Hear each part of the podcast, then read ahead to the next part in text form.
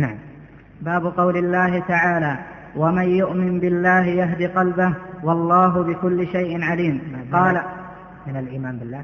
الصبر على باب من الإيمان بالله الصبر على أقدار الله وقوله تعالى ومن يؤمن بالله يهد قلبه والله بكل شيء عليم قال علقمة هو الرجل تصيبه المصيبة فيعلم أنها من عند الله فيرضى ويسلم وفي صحيح مسلم عن أبي هريرة رضي الله عنه أن رسول الله صلى الله عليه وسلم قال اثنتان في الناس هما بهم كفر الطعن في النسب والنياحة على الميت ولهما عن ابن مسعود مرفوعا ليس منا من, ليس منا من ضرب الخدود وشق الجيوب ودعا بدعوى الجاهلية وعن أنس رضي الله عنه أن رسول الله صلى الله عليه وسلم قال إذا أراد الله بعبده الخير عجل له العقوبة في الدنيا وإذا أراد بعبده الشر أمسك عنه بذنبه حتى يوافى به يوم القيامة. وقال صلى الله عليه وسلم إن عظم الجزاء مع عظم البلاء وإن الله تعالى إذا أحب قوما ابتلاهم فمن رضي فله الرضا ومن سخط فله السخط حسنه الترمذي. باب من الإيمان بالله الصبر على أقدار الله. الصبر من المقامات العظيمة والعبادات الجليلة التي تكون في القلب وفي اللسان وفي الجوارح. وحقيقة العبودية لا تثبت إلا بالصبر لأن العبادة أمر ونهي وابتلاء. العبادة أمر شرعي أو نهي شرعي هذا الدين أمر شرعي أو نهي شرعي أو أن يصيب الله العبد بمصيبة قدرية. فحقيقة العبادة أن يمتثل الأمر الشرعي وأن يجتنب النهي الشرعي وأن يصبر على المصائب القدرية التي ابتلى الله جل وعلا العباد بها. ولهذا الابتلاء حاصل بالدين وحاصل بالأقدار. فبالدين كما قال جل وعلا لنبيه صلى الله عليه وسلم في الحديث القدسي الذي رواه مسلم عن عياض بن حمار قال قال الله قال رسول الله صلى الله عليه وسلم قال الله تعالى إنما بعثتك لأبتليك وأبتلي بك. فحقيقة بعثة النبي عليه الصلاة والسلام الابتلاء والابتلاء يجب معه الصبر والابتلاء الحاصل ببعثته بأوامر بالأوامر والنواهي فإذا الواجبات تحتاج إلى صبر والمنهيات تحتاج إلى صبر والأقدار الكونية تحتاج إلى صبر. ولهذا قال طائفة من أهل العلم إن الصبر ثلاثة أقسام صبر على الطاعة وصبر عن المعصية وصبر على أقدار الله المؤلمة. ولما كان الصبر على المصائب قليلا ويظهر عدم الصبر أفرد الشيخ رحمه الله تعالى هذا الباب لبيان أنه من كمال التوحيد ومن الواجب على العبد أن يصبر على أقدار الله لأن التسخط تسخط العباد وعدم صبرهم كثيرا ما يظهر في حال الابتلاء بالمصائب. فعقد هذا الباب لبيان أن الصبر واجب على أقدار الله المؤلمة ونبه بذلك على أن الصبر على الطاعة واجب وأن الصبر عن المعصية واجب. وحقيقة الصبر الحب في اللغة ومنه قولهم قد قتل فلان صبرا. إذا حبس أو ربط فقتل من دون مبارزة ولا قتال. ويقال للصبر الشرعي إنه صبر لأن فيه حبس حبس اللسان لأن فيه الحبس وهو حبس اللسان عن التشكي وحبس القلب عن السخط وحبس الجوارح عن إظهار السخط من لطم الخدود وشق الجوب ونحو ذلك. فحبس هذه الأشياء هو حقيقة الصبر فالصبر إذن حبس اللسان عن التشكي وحبس القلب عن التسخط وحبس الجوارح عن إظهار السخط بشق أو نحو ذلك. قال الإمام أحمد رحمه الله ذكر الصبر في القرآن في أكثر من تسعين موضعا والصبر من الإيمان بمنزلة الرأس من الجسد لأن من لا صبر له على الطاعة ولا صبر له عن المعصية ولا صبر له على القدر على أقدار الله المؤلمة فإنه يفوته أكثر الإيمان. قال باب من الإيمان بالله يعني من خصال الإيمان بالله الصبر على أقدار الله. والإيمان له شعب كما أن الكفر له شعب. فنبه بقوله من الإيمان بالله الصبر على أن من شعب الإيمان الصبر. ونبه في الحديث الذي ساقه عن صحيح مسلم أن النياحة من شعب الكفر فيقابل كل شعبة من شعب الكفر شعبة من شعب الإيمان فالنياحة على الميت شعبة من شعب الكفر يقابلها في شعب الإيمان الصبر على أقدار الله المؤلمة. قال وقول الله تعالى ومن يؤمن بالله يهدي قلبه. قال علقمة هو الرجل تصيبه المصيبة فيعلم أنها من عند الله فيرضى ويسلم. هذا تفسير من علقمة أحد التابعين عن لهذه الآية وهو تفسير ظاهر الصحة والصواب وذلك أن قوله ومن يؤمن بالله يهدي قلبه إنما سيق في سياق ذكر ابتلاء الله بالمصائب. فمن يؤمن بالله يعني يعظم الله جل وعلا ويمتثل أمره ويجتنب نهيه يهدي قلبه للصبر يهدي قلبه لعدم التسخط يهدي قلبه للعبادات. ولهذا قال هو الرجل تصيبه المصيبة فيعلم أنها من عند الله وهذا هو الإيمان بالله فيرضى ويسلم. والمصائب من القدر والقدر راجع إلى حكمة الله جل وعلا. والحكمة حكمة الله جل وعلا هي وضع الأمور في مواضعها الموافقة للغايات المحمودة منها. فالحكمة بعامة مرتبطة بالغايات المحمودة من وضع الأمر في موضعه. فمن وضع الأمر في غير موضعه فقد ظلم. ومن وضع الأمر في موضعه عدل وقد يكون غير حكيم عادل ولكن غير حكيم. فإذا وضع الأمر في موضعه الموافق للغاية المحمودة منه فذاك هو الحكيم.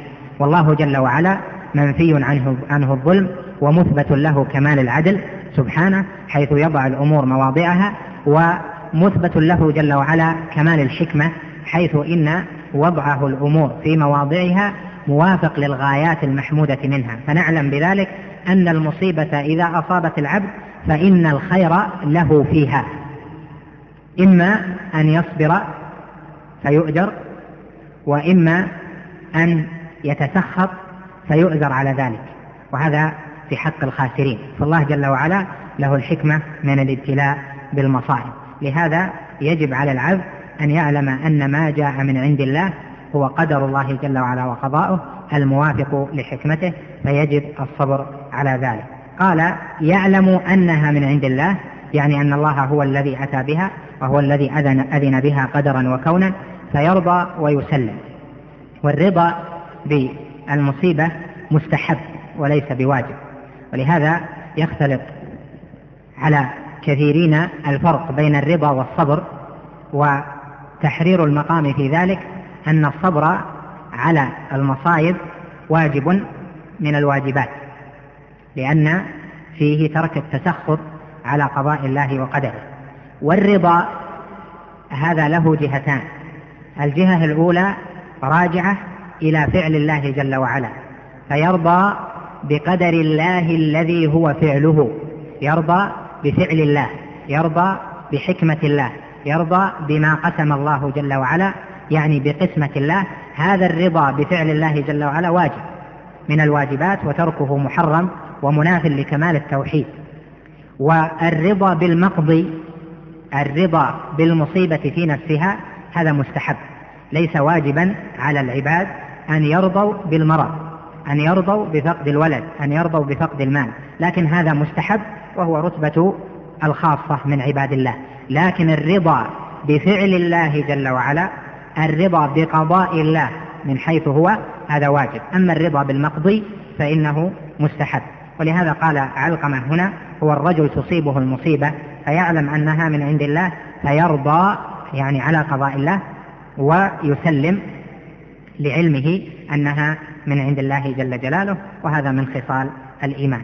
قال وفي صحيح مسلم عن أبي هريرة أن رسول الله صلى الله عليه وسلم قال اثنتان في الناس هما بهم كفر.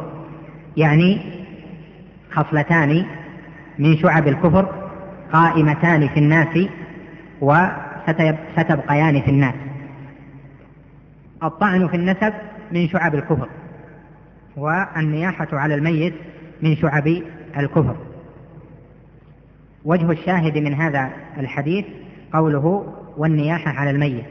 والنياحة مخالفة للصبر والصبر الواجب فيه حبس الجوارح عن لطم الخدود وشق الجيوب ونحو ذلك وحبس اللسان عن التشكي والعويل وهذا هو النياحة.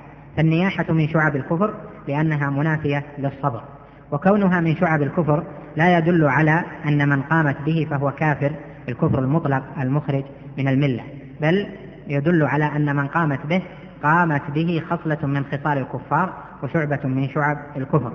ولهذا قال هنا اثنتان في الناس هما بهم كفر فنكر كلمة كفر والقاعدة في فهم ألفاظ الكفر التي تجري في الكتاب والسنة التي تأتي في الكتاب والسنة أن الكفر إذا أتى معرفا بالألف واللام فإن المراد به الكفر الأكبر.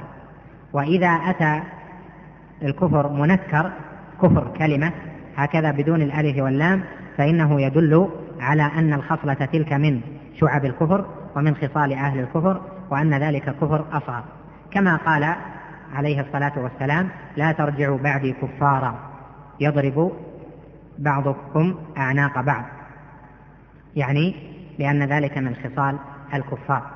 ونحو ذلك قوله سباب المسلم فسوق وقتاله كفر. هذا في الكفر الأصغر. وأما الكفر المعرف بالألف واللام فالقاعدة التي حررها الأئمة كشيخ الإسلام وغيره أنه إذا أتى فيراد به الكفر الأكبر كقوله عليه الصلاة والسلام بين الرجل وبين الشرك والكفر ترك الصلاة. قال ولهما عن ابن مسعود مرفوعا ليس منا من ضرب الخدود وشق الجيوب ودعا بدعوى الجاهلية. ذلك يدل على أن من فعل هذه الأفعال فهو ليس من أهل الإيمان. وقد ذكرت لكم أن كلمة ليس منا تدل على أن الفعل من الكبائر ولهذا نقول ترك الصبر وإظهار التسخط كبيرة من الكبائر والمعاصي تنقص الإيمان لأن الإيمان يزيد بالطاعة وينقص بالمعصية. ونقص الإيمان قد ينقص كمال التوحيد بل إن ترك الصبر مناف لكمال التوحيد الواجب. قال وعن أنس أن رسول الله صلى الله عليه وسلم قال إذا أراد الله بعبده الخير عجل له العقوبة في الدنيا وإذا أراد بعبده الشر أمسك عنه بذنبه حتى يوافى به يوم القيامة. هذا فيه بيان حكمة الله جل وعلا التي إذا استحضرها المصاب فإنه يعظم عنده الصبر ويتحلى بهذه العبادة القلبية العظيمة وهي الرضا وهي ترك التسخط والرضا بفعل الله جل وعلا وقضائه. بأن العبد إذا أريد به الخير فإن العقوبة تعجل له في هذه الدنيا. لأن رفع أثر العقوبة عن العبد يكون بعشرة أشياء ومنها أن تعجل له العقوبة في الدنيا يعني يعاقب في الدنيا بمرض بفقد مال بمصيبة لأن مخالفة أمر الله في ملكوته لا بد أن تقع لها عقوبة إن لم يغفر الله جل وعلا ويتجاوز. فإذا كانت العقوبة في الدنيا فإنها أهون من أن تكون في البرزخ أو أن تكون يوم القيامة. ولهذا جاء في الحديث الآخر الذي رواه البخاري وغيره قال عليه الصلاة والسلام من يرد الله به خيرا يصب منه. ولهذا كان بعض السلف يتهم نفسه إذا رأى أنه لم يصب ببلاء أو لم يمرض ونحو ذلك وقد قال عليه الصلاة والسلام في الحمى مثلا لا تسبوا الحمى. فهو الذي نفسي بيده إنها لتنفي الذنوب عن العبد كما ينفي الكير خبث الحديد. ففي المصائب نعم المصائب فيها نعم على العبد والله جل وعلا له الحكمة البالغة فيما يصلح عبده المؤمن. قال وقال النبي صلى الله عليه وسلم إن عظم الجزاء مع عظم البلاء وإن الله تعالى إذا أحب قوما ابتلاهم فمن رضي فله الرضا ومن سخط فله السخط.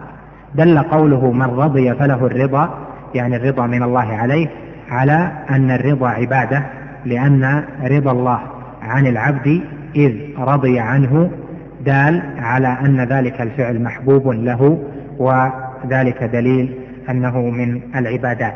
وكذلك دليل الجملة الثانية دليل على أن السخط محرم. قال ومن سخط فله السخط يعني من الله جل وعلا. وحقيقة السخط على الله جل وعلا أن يقوم في قلبه عدم محبة ذلك الشيء وكراهة ذلك الشيء وعدم الرضا به واتهام الحكمة فيه. فمن قامت به هذه الأشياء مجتمعة فقد سخط. يظهر أثر السخط على اللسان أو على الجوارح. يظهر السخط في القلب من جهة عدم الرضا بالأوامر عدم الرضا بالنواهي عدم الرضا بالشرع. فيتسخط الأمر يتسخط النهي يتسخط الشرع. فهذا كبيرة من الكبائر. ولو امتثل ذلك فإن تسخطه وعدم الرضا بذلك قلبا دليل على انتفاء كمال التوحيد في حقه وقد يصل بالبعض إلى انتفاء التوحيد من أصله إذا لم يرضى بأصل الشرع وسخطه بقلبه واتهم الشرع أو اتهم الله جل وعلا في حكمه الشرعي. نعم.